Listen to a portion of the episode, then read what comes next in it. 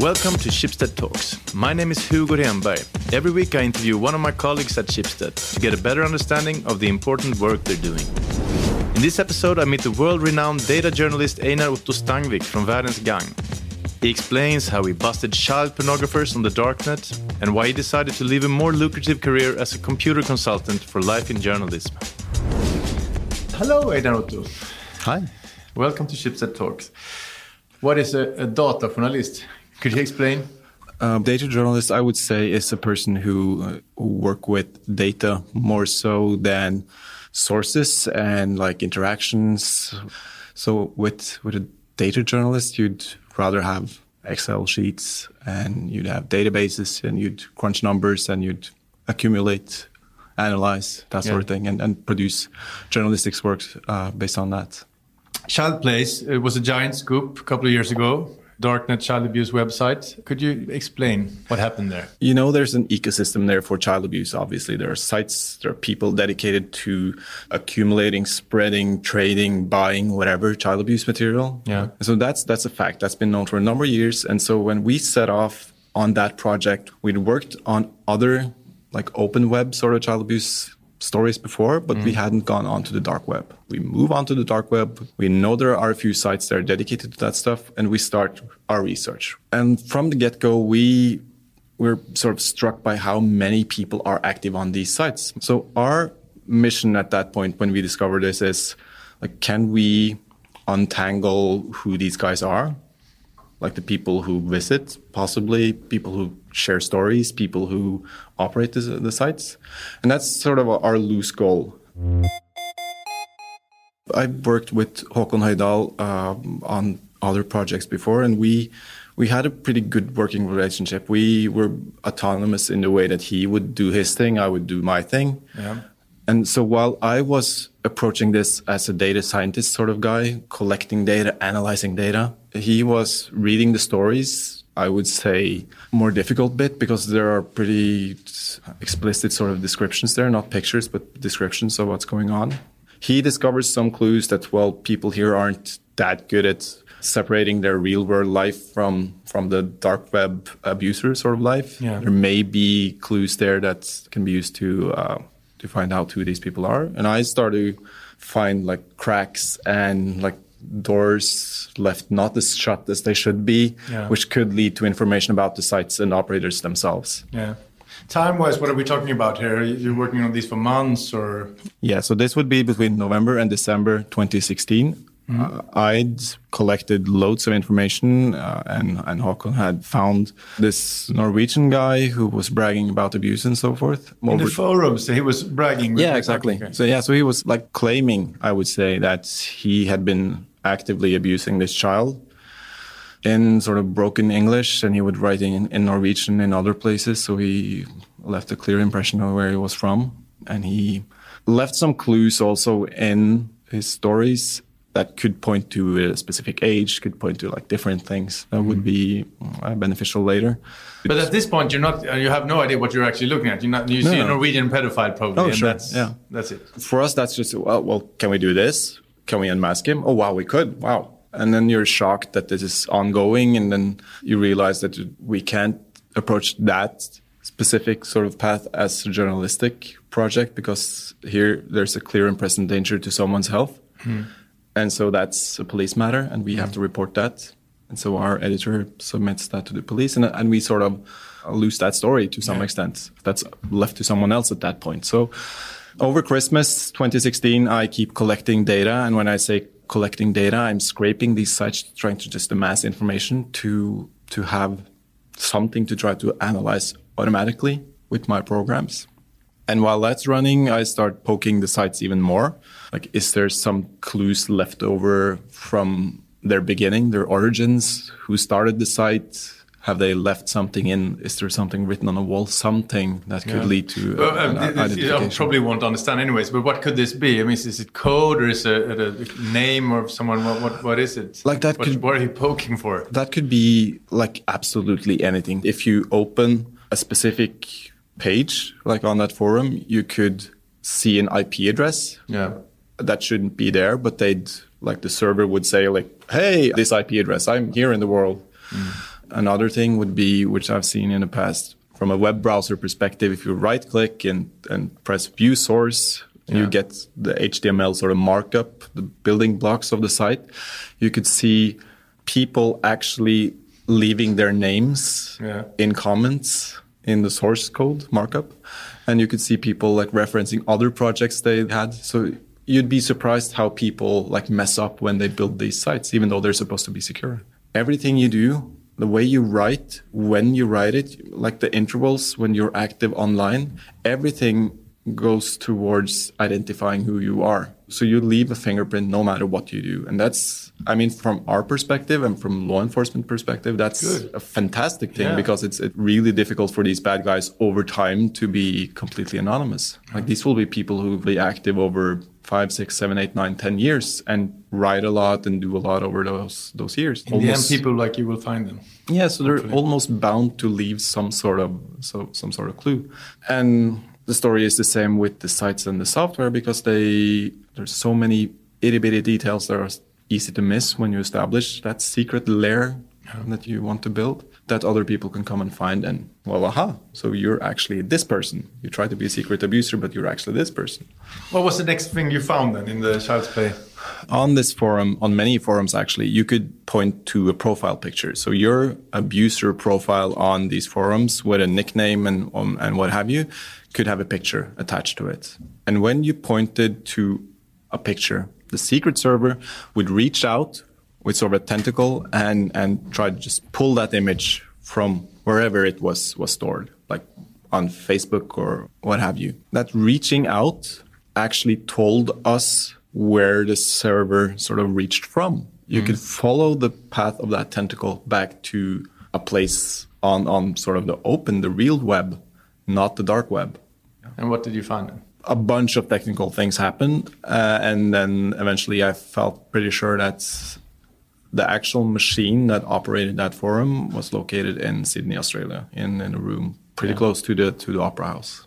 Yeah, that's a huge break. Could this be it? Who was at the end of that? Well, that was the police.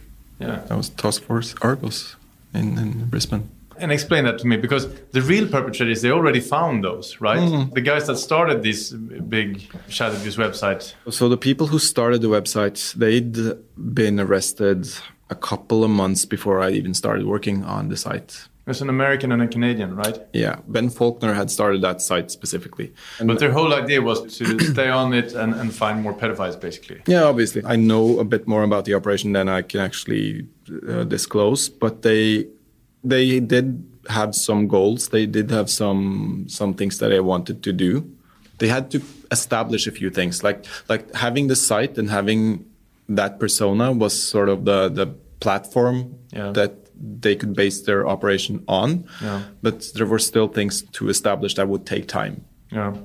How long is difficult to say. Even though you operate that site, it's all of your users are still on Tor. Yeah. All of your users are still these secret users. You won't, as a server administrator, being police, you wouldn't see IP addresses of your visitors. You'd just see like the same anonymous sort of thing that oh, you okay, see elsewhere so on Tor. Yeah, it doesn't like immediately help to run the site, yeah. but it is a way to manipulate people and and do okay. like like get under their skin and like you you have access to all of the chats, you have all the private messages between people. We certainly felt that it was questionable for the police to share child abuse no imagery themselves, and uh, they we obviously felt that they were treading a very fine line. Yeah towards provocation in many cases. Ultimately, we decided that we'd harm all of this more by blowing the police operation now.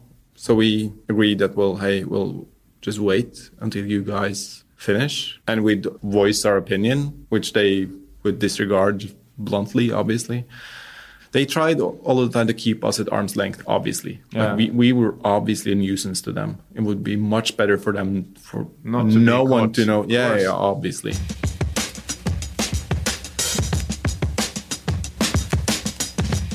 We had a few meetings with one of the detectives, and we got some information both explicitly and like things that he didn't mean to share, but we deduced all mm. the same we did whatever we could to put the pieces together. So our mission at that point was to write the story. That it goes from like we're we're still going to present this piece that's that questions those specific methods, police methods. Yeah.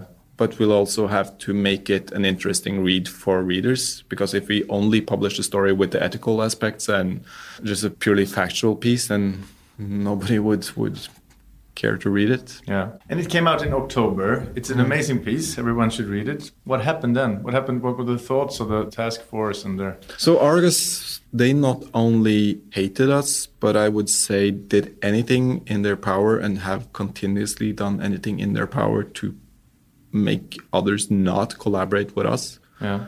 Like Håkon and me specifically. You stepped into their backyard and, and interfered with the police work. And they also felt that we breached the contract with them that we published too early when they closed the site and they had a brief buffer, then we could publish. That was Yeah. the understanding from the get go. Yeah. Uh, but I think they were just really annoyed with ultimately themselves or being discovered. And then that sort of rage and annoyance, Yeah.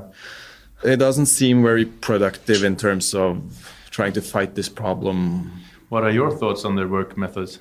I've said all along is that I'm completely understand that they have to use questionable perhaps techniques to get at these guys because it's it's a huge technical problem to unmask people on Tor and people who use other anonymous technologies. Yeah. Hunting down pedophiles, I mean, you get to see a lot of bad, dark shit. How do you cope with that? We've tried our best not to expose ourselves to things that will destroy us because that's will happen if you Meaning you don't actually look at the films or you. Yeah, yeah, you know, obviously, like that would be wrong in every possible way to look at the pictures, look at the films, and it wouldn't take us anywhere. You have to look at it to see that it's really. No, so we like the project before Child's Play. We got more help from Norwegian police to verify some pictures and and, and movies. Yeah. So they would actually open up the files and say, well, hey, this is illegal, this is not illegal, and so forth. Yeah. So with Child's Play, was just obvious from the get go that everything that's being exchanged here is more likely to be illegal. And then you'd have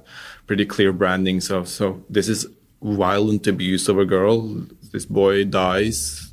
Like they'd not hold back in Oh, the descriptions. So you'd really not want to open those files in any case. And so no, no, uh, by no means that was never required of us to to look at at those things. Just reading file names was Yeah. more than hurtful enough, and to read the descriptions as well in in the Child's Play story was uh, was it took me.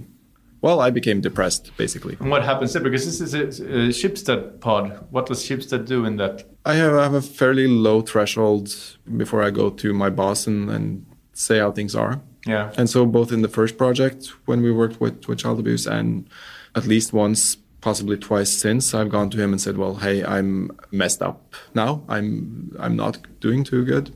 Yeah. So in both cases I've gotten to see someone to So they help you with psychiatrists and psychologists. yeah, so the first was I believe within days I've had someone to talk with who've been able to help me out of that depression. But, but even you don't like to be called super hacker, but in a way you are. You have a lot of skills. You could earn money easier ways.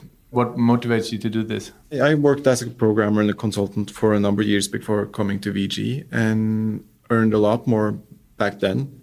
But I was not very pleased with the sort of work that I did. It felt meaningless. And I feel like I'm doing good and I feel like I'm. Um, like disregarding the depressions I've, I've been in, in because of the specific projects, I'm, I'm generally a more happy person now than I was before. I love my colleagues and I, I, I love working for VG has been uh, has been a really rewarding. Who are you? I'm a nerd basically. I I love just getting immersed in things like working a Yeah. problem a really long time. Yeah. Just disregard everything else. Just dive into and s- to be completely honest, I think my childhood was slightly difficult. And so I felt a lot of uh, relief just diving into these problems and Yeah. just disregarding everything else, disregarding life around me, people around me. So I um, grew up in the woods. That's one thing that was um, rather sad. Not too many people around me, not too many friends to play with. My mother and father left each other early on. They did not like each other at all. My family was rather dysfunctional. Luckily, I got a computer. I mean, and then I could solve problems instead. To this day, I find a huge amount of, of just relief and pleasure in, in just diving into and, and focusing on a single sort of task. Yeah. The problem with that sort of mentality, I've come to realize now that I'm pushing 40 soon, is that when I stay submerged in a problem for long enough and reemerge, yeah I imagine it's like being underwater and like dive too far down and come back too quickly. You get diver's sickness. Yeah, sickness. yeah, your body can't adapt quickly enough to how things are above water. Yeah, it's the same for me. I actually get depressive sort of tendencies from reemerging from being like in the problem for too ah, long. A couple of years earlier, you tracked down someone who broke into Women's Cloud, right, and published their nude photos. Yeah. And it turned out it was a politician. Yeah, so that was my introduction to VG, basically. That was your break. So I'd, I'd worked as a consultant for a number of years before that. I worked plethora of different technologies. Was not happy. Had to do something differently. Yeah. Felt that I could not at that point go back to school to become a doctor or what have you. It was too late. Yeah. So I just wanted to try to use my skills for some good. You did this all on your own. Oh yeah, with the thought that I, in the end I'm going to go to big. Uh, no, no, no, no, no, no, no, absolutely not. No, no, no. Just to catch I, a bad guy. Yeah, or? and not even that. I just wanted to solve a problem and then hand that over to the police. I built some software that could detect sort of that abuse going on, people breaking into women's cell phones, computers, and so forth, and looking for explicit material and publishing that online. I built software that found someone who was doing that, and I unmasked who that was, all in the course of like two weeks. Yeah. And then I spent the next six months trying to get the police to actually take the case. Once I found uh, the, the, the case and I found a couple of victims, I turned to the victims and I said, This is what's going on. I think you've been hacked go to the police and report this. One girl did. Her case was dismissed the same day because there was no clear indication of who the bad guy was. But okay. you could tell them, you knew. Yeah, so so I I'd already at that point supplied the IP address of the person, like the, the cable yeah, yeah. endpoint where he was at. Like everything was put out there for them, but they still dismissed it because there was no clear indication of who the suspect was. So come summer, I'd spoken with Håkon in VG and like he was really keen on getting the story, and so he built the story. They interviewed the person who uh, who I suspected. He eventually admitted to having done it. Like presented with my 50 so pages of report, nailing him to, to those acts. And still, the police, even when the case was was published, dismissed it. So the state attorney said, "Well, you're going to reopen the case." They were forced to reopen. And what he, happened to the guy then? So he got a month or so in prison. His career was done to shitter, right? Oh yeah. This is was your way in. Yeah. VG. Yeah. It was in in 2013, the summer of 2013, and I started working for VG in April 2014. Great. Tack snälla Einar. Yeah. You listen to Schibsted Talks. My name is Hugo Renberg and the producer was Jens Back.